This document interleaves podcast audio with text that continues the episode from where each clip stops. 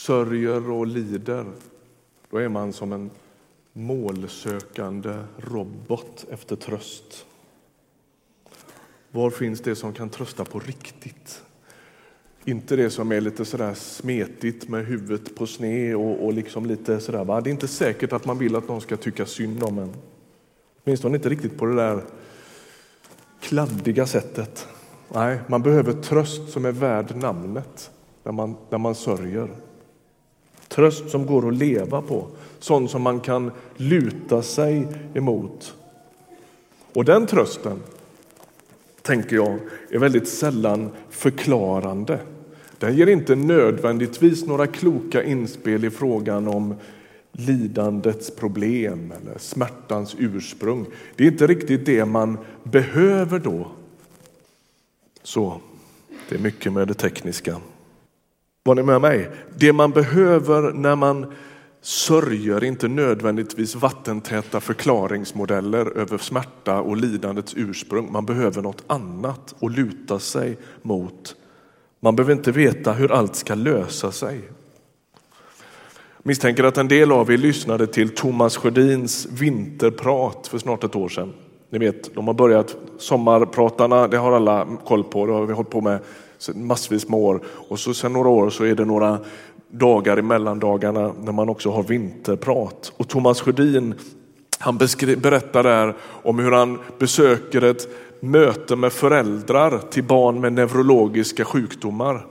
För dig som inte känner till Thomas så, så, har han själv haft två barn med grava neurologiska sjukdomar och båda barnen, han har tre barn, en frisk pojke och så två söner som har avlidit i de här svåra sjukdomarna.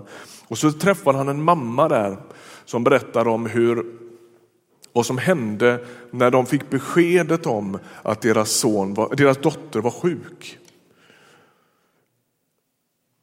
Och hon beskriver hur mötet med, med, vänner tog sig så olika uttryck. Några, säger hon, pratar på som om de hade betalt per ord. Ni vet, man tycker inte det blir så pinsamt när det blir tyst så att man säger gärna något. Liksom. Andra använde för, förskräckligt stora och kloka ord men känslan var att de var på ett språk som de inte förstod. Och så berättar hon hur hon är på väg till posten en dag. Och så står hon på rampen upp till posten och så möter hon en väninna där. Och den här väninnan kommer fram och så tar hon henne i händerna så här.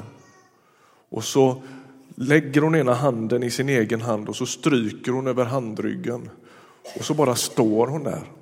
Och så berättar Thomas hur hon är tyst länge och sen gör hon en liten paus, hur man nu kan göra det när man är tyst. Liksom, hämtar andan lite och så är hon tyst en stund till. Och så säger hon det enda som uttalas i hela det där samtalet. Hon säger oj, oj, oj.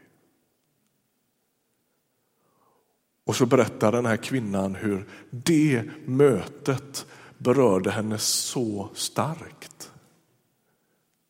Någon som liksom gick in i hennes förtvivlan.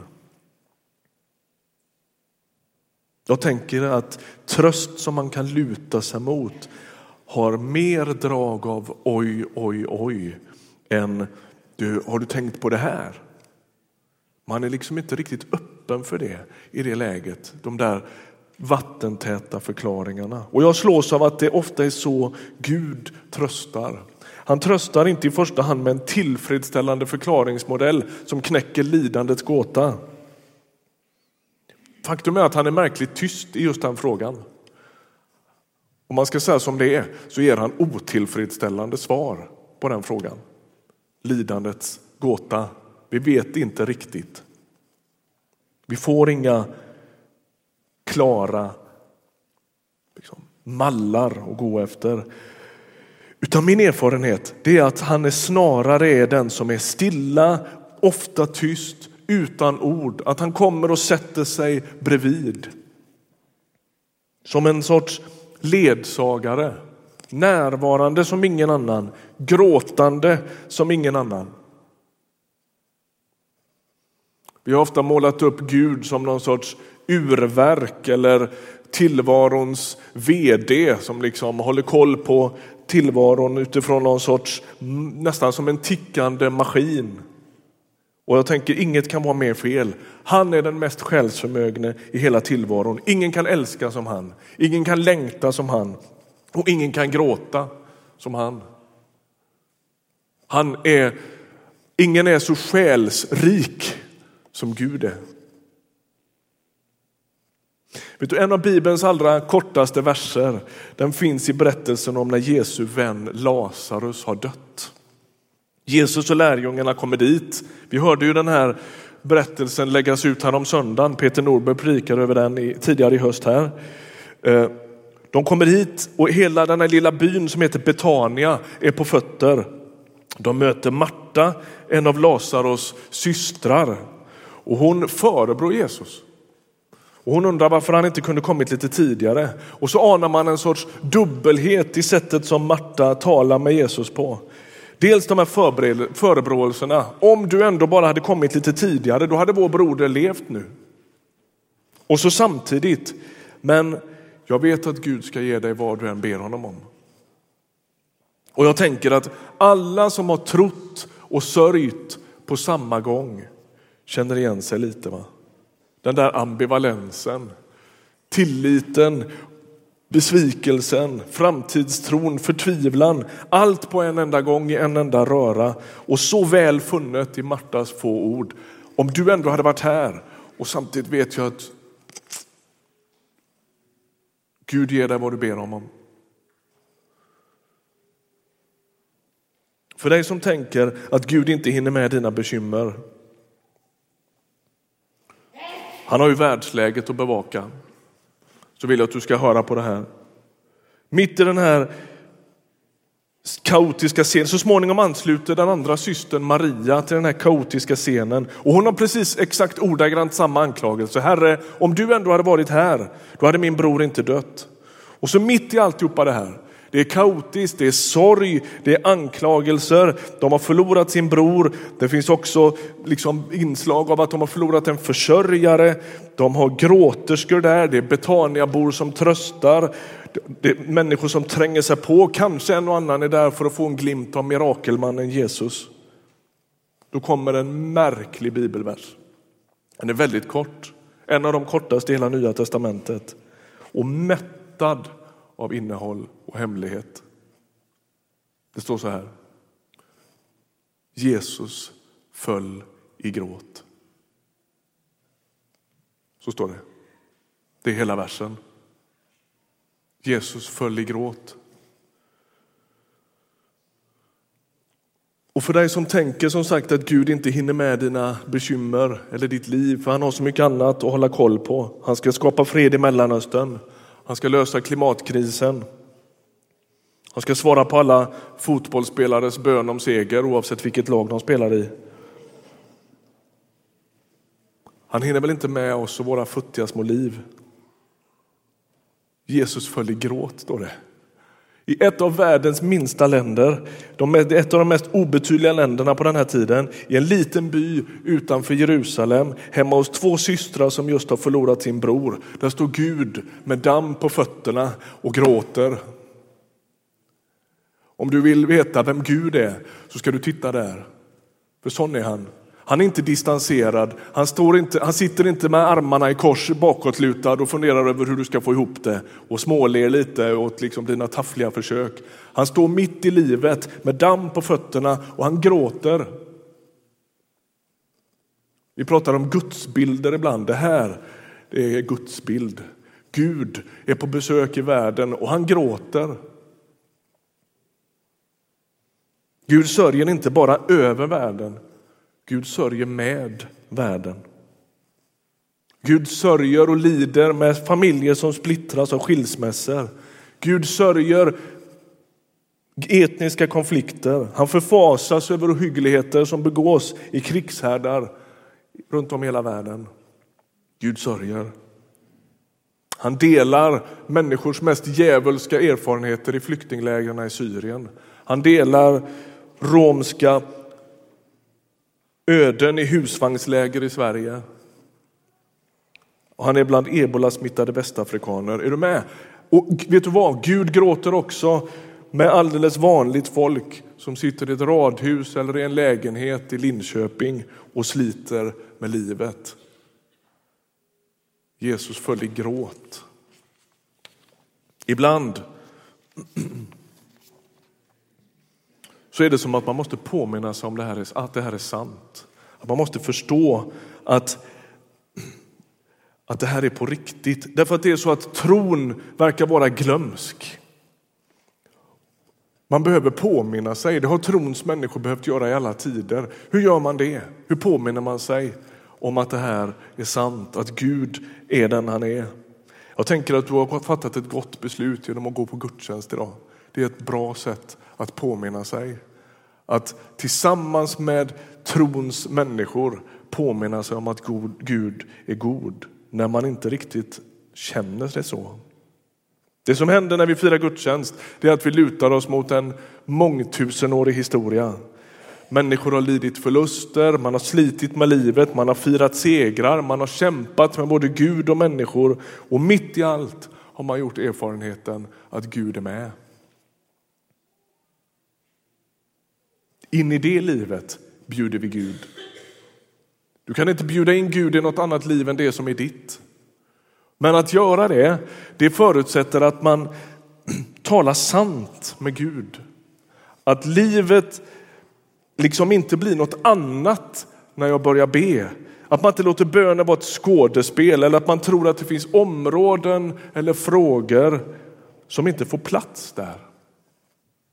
Om du tänker att ja, det finns områden i mitt liv som inte får plats hos Gud så skulle jag vilja uppmuntra dig och locka dig att nämna just de områdena i dina böner.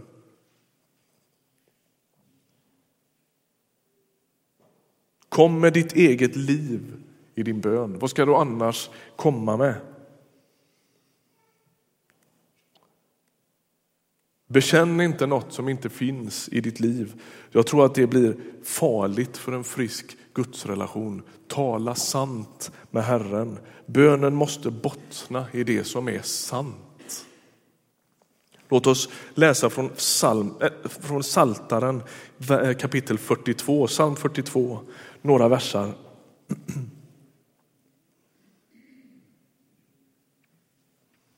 Saltaren, för dig som är ovan bibelläsare, är Bibelns stora bön och sångbok.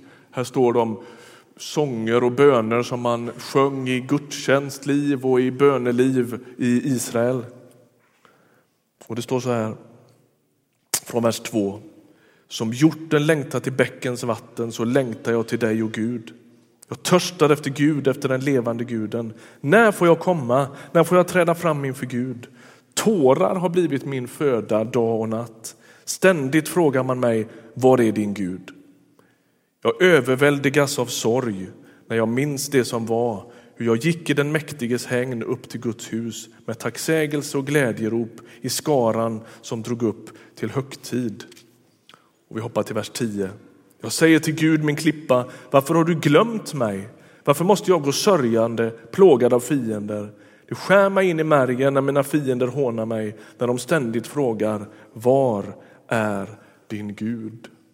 Och så ber salmisten här ärligt och sant och vuxet med Gud. Han talar det som, så som det känns och så som det är. Du verkar som att du har glömt mig. Det är till och med så att människor runt omkring börjar ställa frågor och undrar var är din Gud? Det verkar som att han inte bryr sig. Och så kommer han med hela den frustrationen och, och sorgen och smärtan i sin bön. Därför att det får plats där. Man kan tala sant med Gud. Han söker just det, ett sorts vuxet samtal där du berättar hur det är. Och vet du, du är i gott sällskap. Psalmisterna gör det gång på gång. Jesus gör det. Gång på gång genom bibeltexterna så talar man väldigt ärligt och ibland ganska så här, rättframt med Gud. Och så fortsätter det i vers 12. Står det. Varför är du så tyngd av sorg, min själ, och full av oro? Sätt ditt hopp till Gud. Jag ska åter få tacka honom, min räddare och min Gud. Det verkar som att också Bibelns människor lider av trons glömska.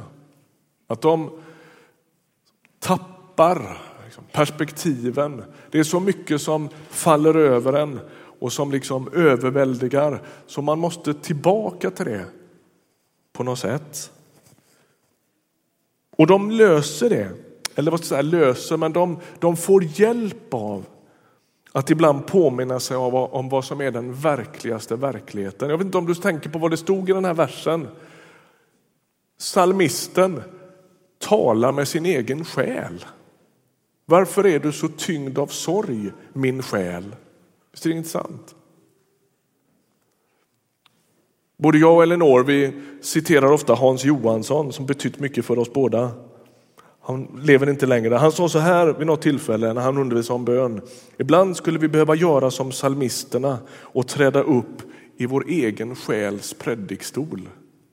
Det är ganska bra sagt. Alltså, kliv in i ditt inre i meningen att du vänder dig åt ditt inre och säger men glöm inte att Gud finns mitt i det här. Tala allvar med din själ.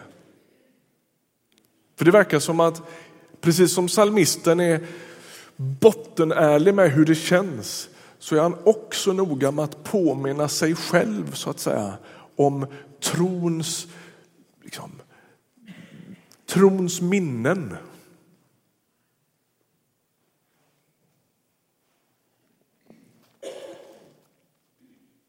Om man skulle bläddra till Nya testamentet, bara läsa två sammanhang. Ett ifrån Paulus andra Korintierbrevet. Sån här vers som jag återkommer till ofta. Jag, när jag tittar i mina utkast inser jag att jag har nämnt den här versen varenda allhelgona sedan jag kom hit. Jag gör det igen. För jag tänker att det finns så mycket att hämta ur det här. I andra Korintierbrevet 1 och vers 3 så säger Paulus så här, välsignade är vår Herre Jesu Kristi Gud och Fader, barmhärtighetens fader och all trösts Gud.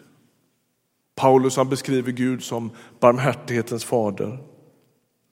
All trösts Gud. Hur kan Paulus veta att det är sant?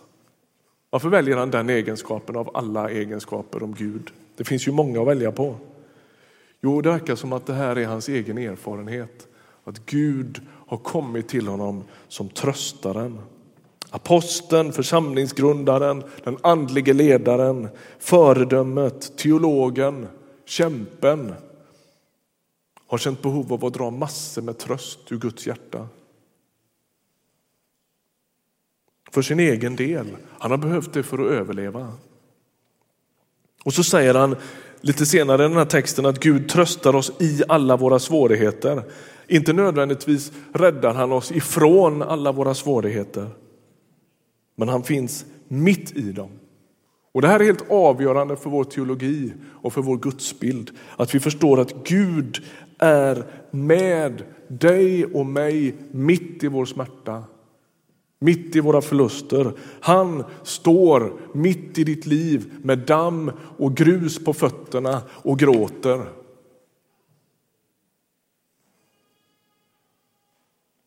Att du lever ett liv kantat av svårigheter. Lyssna nu. Kommer du bara ihåg en mening från idag? Då kommer den nu. Att du lever ett liv kantat av svårigheter är inte ett bevis på att Gud har lämnat dig. Hör du mig?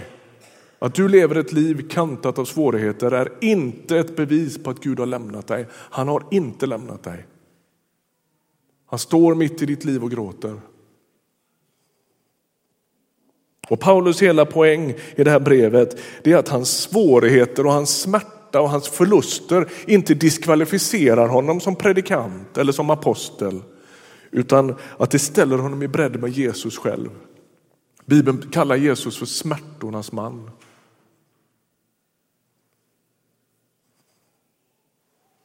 ska avsluta min predikan idag med att läsa en text, nästan det allra sista som står i Bibeln, Uppenbarelsebokens 21 kapitel.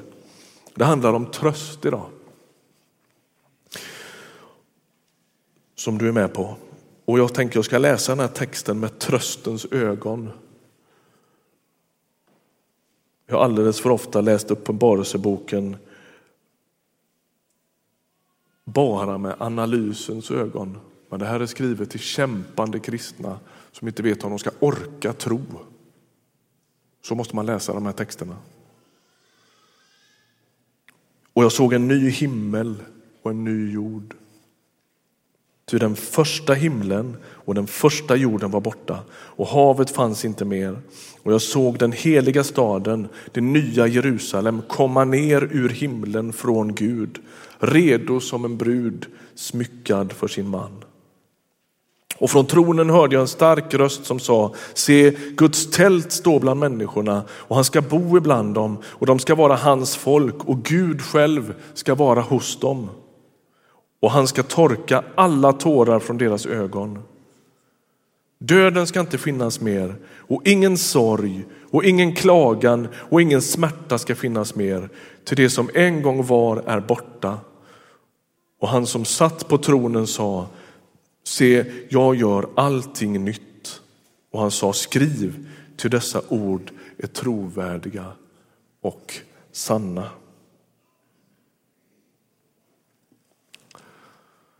Många, många år sedan när jag gick på bibelskola hade vi en lite excentrisk predikant eller lärare som kom dit. Och jag minns fortfarande vad han sa när han sa så här. När jag möter Jesus i himlen så finns det en sak som jag kommer att uppskatta mer än någonting annat. Så han, där kommer att finnas ett litet skåp. Ungefär som ett sånt här värdeskåp som finns på simhallen. Ett litet skåp. Så såg han det för sig med mitt namn på. Och så kommer Gud att gå fram och så kommer han att låsa upp det där skåpet. Och där inne, där hänger det en enda sak. Där hänger det en liten näsduk. Det är vad som hänger i det skåpet. Så kommer Gud med sin egen hand och tar den här näsduken och så kommer han att torka alla mina tårar. Med sin egen hand. Den Gud som står och gråter i Betania med grus på fötterna. Han kommer en dag att torka alla dina tårar. Och jag är med på att just nu är det outhärdligt för en del av er som är här inne. Man, min bön inför idag har varit att det skulle kunna skänka dig lite tröst. En sorts glimt eller smak av tröst. Gud har inte glömt dig. Han väntar på dig och han ska torka dina tårar.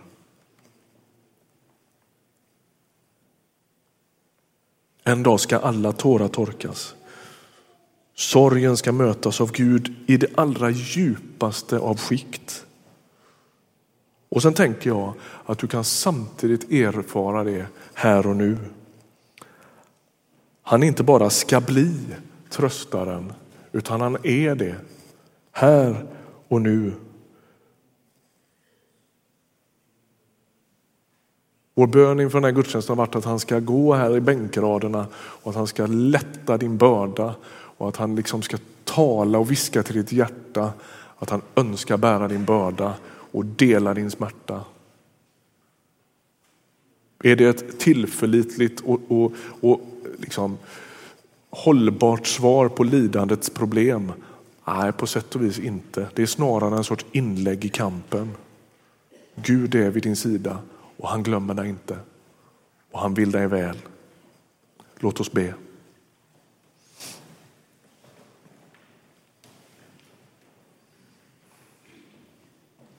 Fader, du är barmhärtighetens fader och du är all trösts Gud. Du är smärtornas man. Du är den gråtande guden.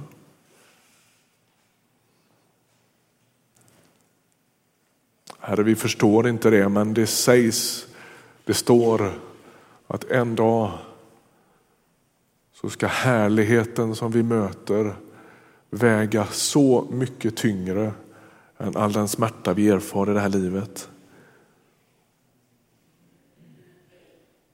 Vi klamrar oss fast vid det. Vi vill tro det. Tack att du är med mina vänner här. Tack att du är med alla oss här som